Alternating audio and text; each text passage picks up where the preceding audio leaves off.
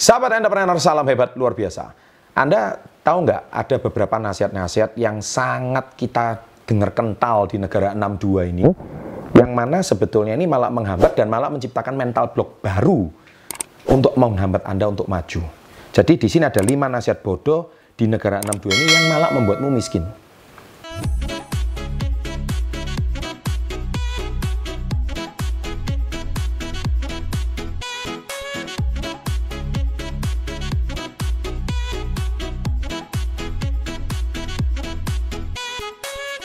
Saya mohon maaf di konten saya kali ini memang kata-kata saya agak keras, kata-kata saya agak kasar, jadi mungkin uh, tetapi yang saya sekali lagi bukan channel Success Before 30 kalau nggak berani membuka kata-kata benar, karena sekali lagi saya bukan orang baik, saya orang benar.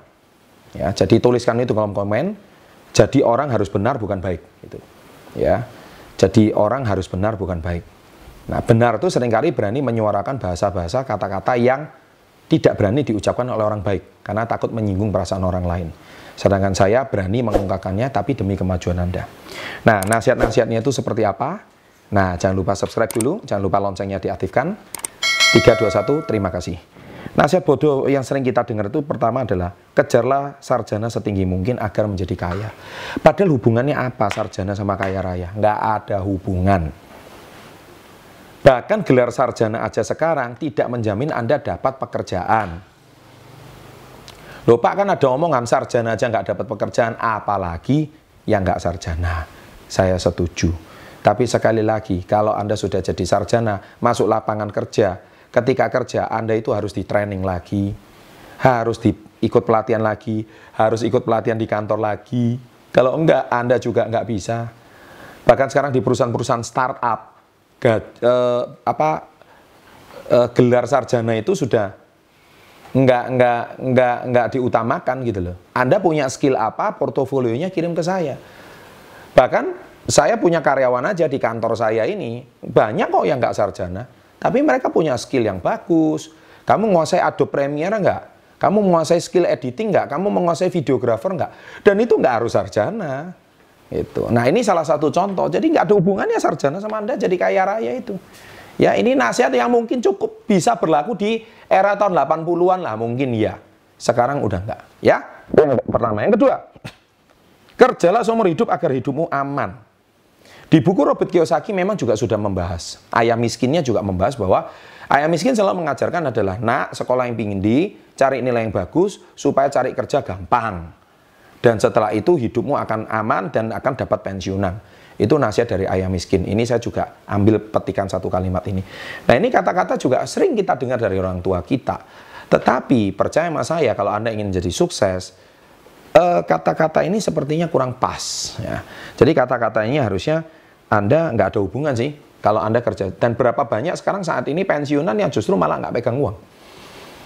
Banyak ya banyak pensiunan mohon maaf pensiunan tentara pensiunan polisi pensiunan PNS uh, eh, termasuk pensiunan pejabat. Ups ya saya ngomongnya jadi terlalu keras ini. Ya kan? Itu justru nggak pegang uang. Nah ini yang sering kali masalah gitu. Nah tapi justru seumur hidupnya itu anda kalau bisa bangun bisnis supaya kalau anda bisnis anda akan menghidupi anda ya. Yang ketiga uang adalah sumber kejahatan. Sahabat entrepreneur Kata-kata ini entah datang dari mana sih. Kata-kata ini diucapkan oleh eh, orang-orang uh, yang percaya sama saya, pasti seumur hidup itu Anda itu lupa ibadah, kejar uang terus. Padahal menurut saya, kerja itu juga ibadah gitu. Kerja itu juga ibadah. Menurut saya loh ya. Dan Anda mencari nafkah itu ibadah. Loh, Anda ibadah sama istri, sama anak. Loh, itu kan ibadah juga. Loh, kalau Anda punya anak dan istri terus anda nggak nafkahi loh, Anda itu dipertanyakan ibadahmu itu. Karena berdoa itu nggak cukup, harus bekerja. Karena bekerja adalah ibadah, doa juga ibadah gitu. Ya, itu sesuatu yang Anda harus garis bawahi. Jadi nasihat ini nggak tepat ini. Yang keempat, orang kaya adalah orang berdosa. Lah ini dia. Ini yang ngomong pasti orang miskin ini. Orang kaya, orang susah masuk surga. Ini sering kali yang ngomong orang miskin ini. Padahal percaya sama saya, tempat ibadah di dunia ini semua tempat ibadah itu dibangun oleh orang kaya. Itu loh. Atau orang yang punya uang, mereka yang berani berderma, mereka yang berani beramal, Mereka yang mau nyisikan sebagian kekayaannya untuk membangun tempat ibadah. Jadi kalau Anda benci sama orang kaya sampai orang ngomong orang kaya adalah orang yang berdosa, itu nggak tepat. Oke? Okay? Dan ujung-ujungnya nanti minta sumbangan sama orang kaya. Ya, gimana sih? Katanya orang kaya orang berdosa. Kan minta sumbangan sama orang berdosa. Jadi nggak tepat nasihat ini. Yang kelima, membawa barang branded agar terlihat kaya. Nah ini. Dan celakanya nggak bisa beli barang branded, akhirnya beli barang KW. nah ini nasihat bodoh. Menurut saya juga Mending apa adanya, pakai jam apa adanya, tapi itu menunjukkan karakter. Pakai sabu apa adanya, pakai sepatu apa adanya, pakai baju apa adanya. Nggak usah beli barang KW, ya? Oke, karena KW hanya untuk orang palsu. Orang asli pakai barang asli. Cie, seperti itu. Thank you. Semoga nasihat ini semakin membuat Anda tersinggung dan semakin membuat Anda stres dan akhirnya unsubscribe channel saya sekarang juga.